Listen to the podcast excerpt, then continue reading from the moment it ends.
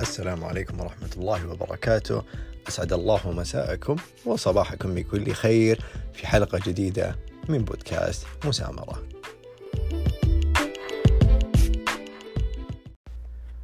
أهلا وسهلا فيكم أصحاب مسامرة في حلقتنا اليوم. وقبل ما أبدأها آه، مبارك عليكم الشهر. آه، الله يجعله شهر خير وفلاح ومسرة ويجعلها فاتحة خير لنا كلنا ودائما. وأبدا شهر رمضان الكريم. آه، الواحد يصحح فيه أغلاطه ويراجع قراراته ونفسه ويتخذ خطوة جديدة يعني وشهر رحمة وغفران.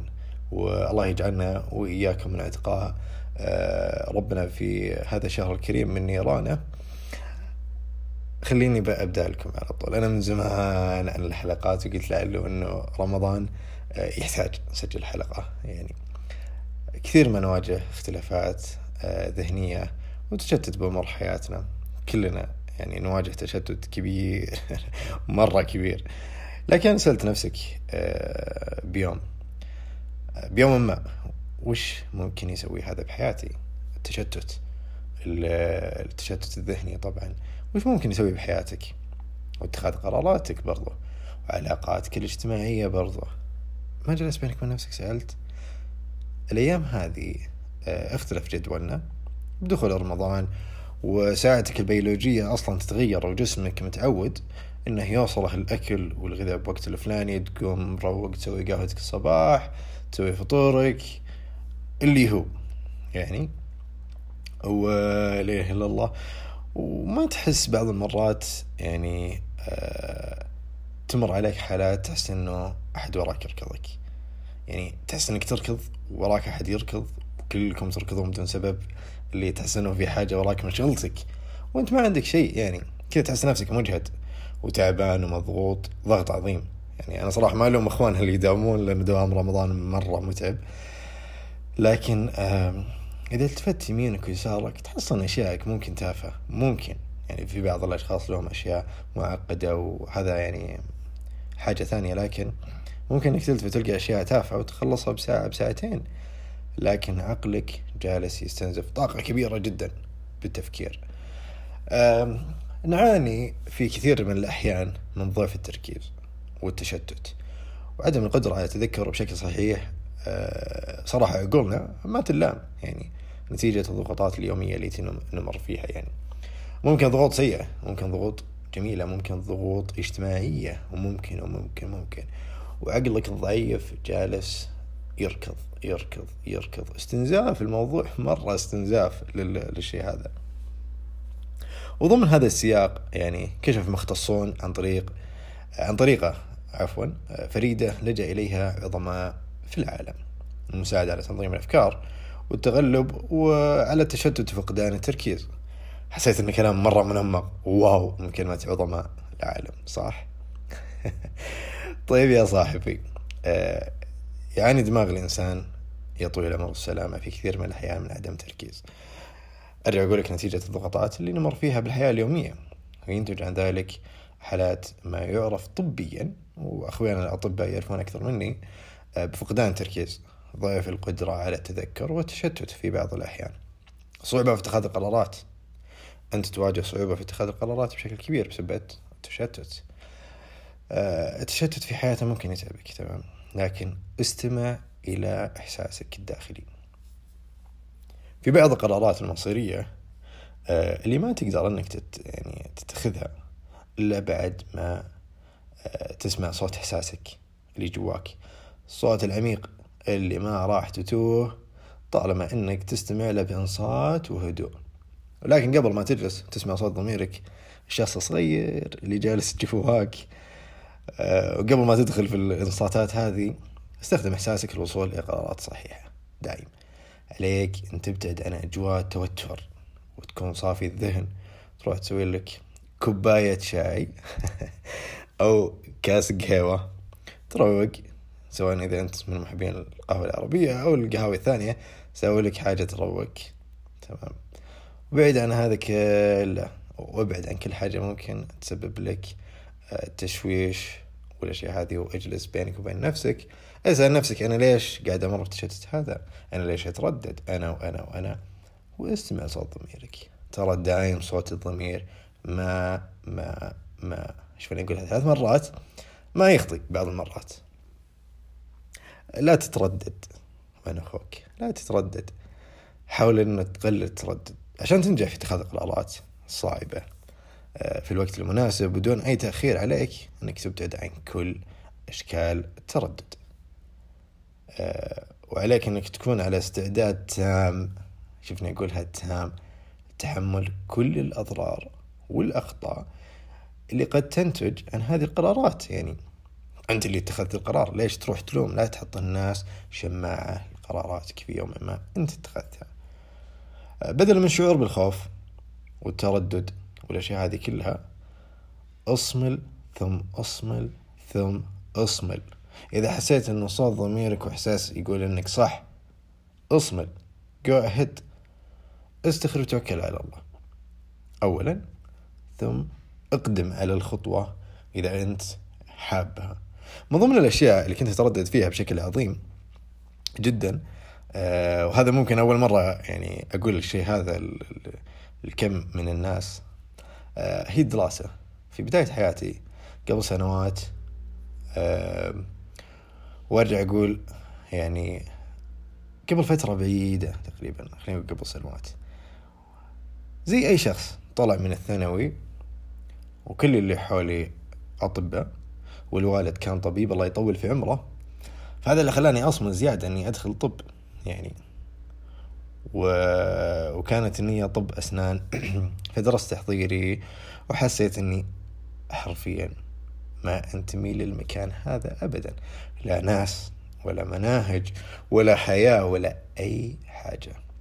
وكلمة قالها الوالد الله يطول بعمره هي اختار نفسك بعد كم سنة. هل تشوف عندك المقدرة إنك تكون حياتك كلها بالمستشفيات؟ هل تكون طول حياتك عندك المقدرة إنك تجلس في عيادة؟ جلس بيني وبين نفسي. والله ابدا هذه ما كان نمط حياتي. أنا شخص شغوف وشخص أحب الخلط. هذا ما هو بنمط حياتي ابدا. اتخذت قرار طلعت توكلت على الله كملت دراستي بالخارج. وهذا لا يقاس عليه. يعني كل شيء تحس إنك ما تنتمي له يعني كل شخص يأخذ بالمعطيات اللي هي موجودة في حياته. اطلع. وروح للي تشوف نفسك وحياتك فيه بما يرضي الله طبعا. لكن إذا حسيت إنك ما تنتبه المكان انحش.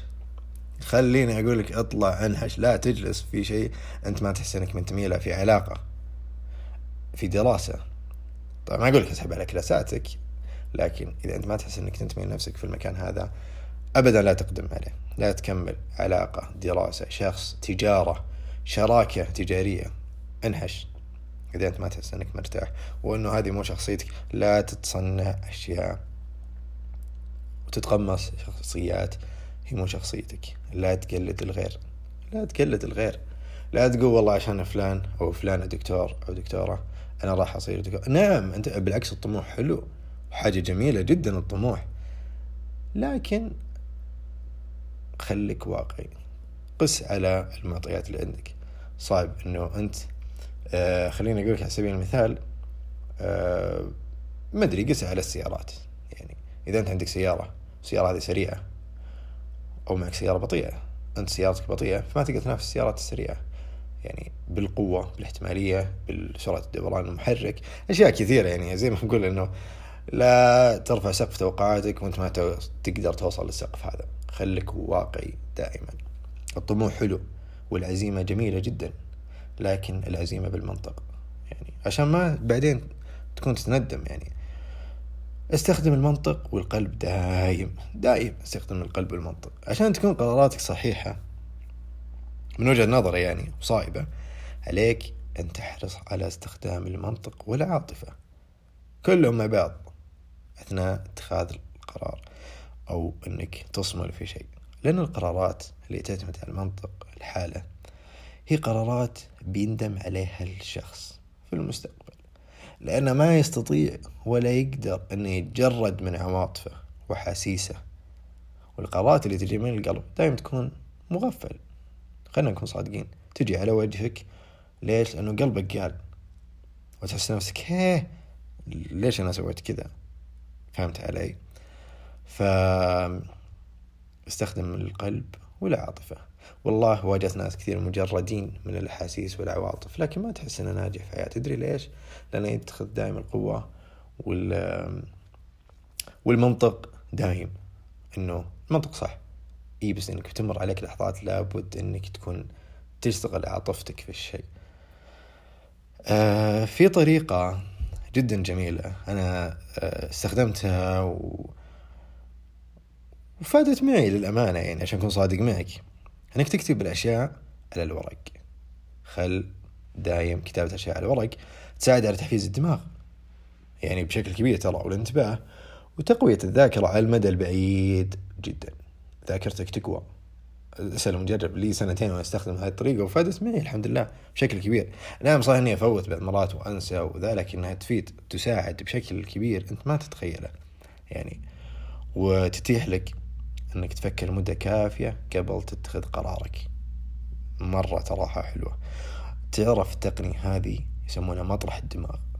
كيف مطرح الدماغ؟ يا محمد. أين يقوم على استخراج ما يدور في راسي يسمونه brainstorm كل شيء يعصف في ذهنك يدور تهبده في ذا الورقة. تمام. كل ما يدور في الراس وتدوينه على الورق حتى يستطيع تركيز عقلك على أمر واحد فقط. ما يكون أشياء كثيرة في وقت محدد. الساعة هذه أنا راح أفكر بالأمر الفلاني راح أزين بالأمر الفلاني.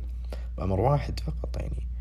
باختصار اهبد كل الأفكار اللي في بالك تجي على الورقة وقس نفسك بعدها يعني.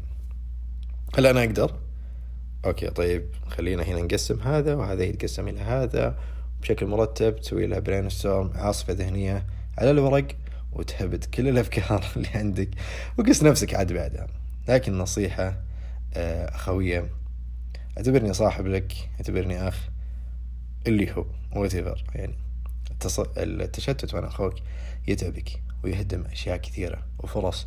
والله يا كثر ما ضاعت عليه فرص أنا أقولها يعني كشخصا ضاعت عليه فرص بسبب التردد.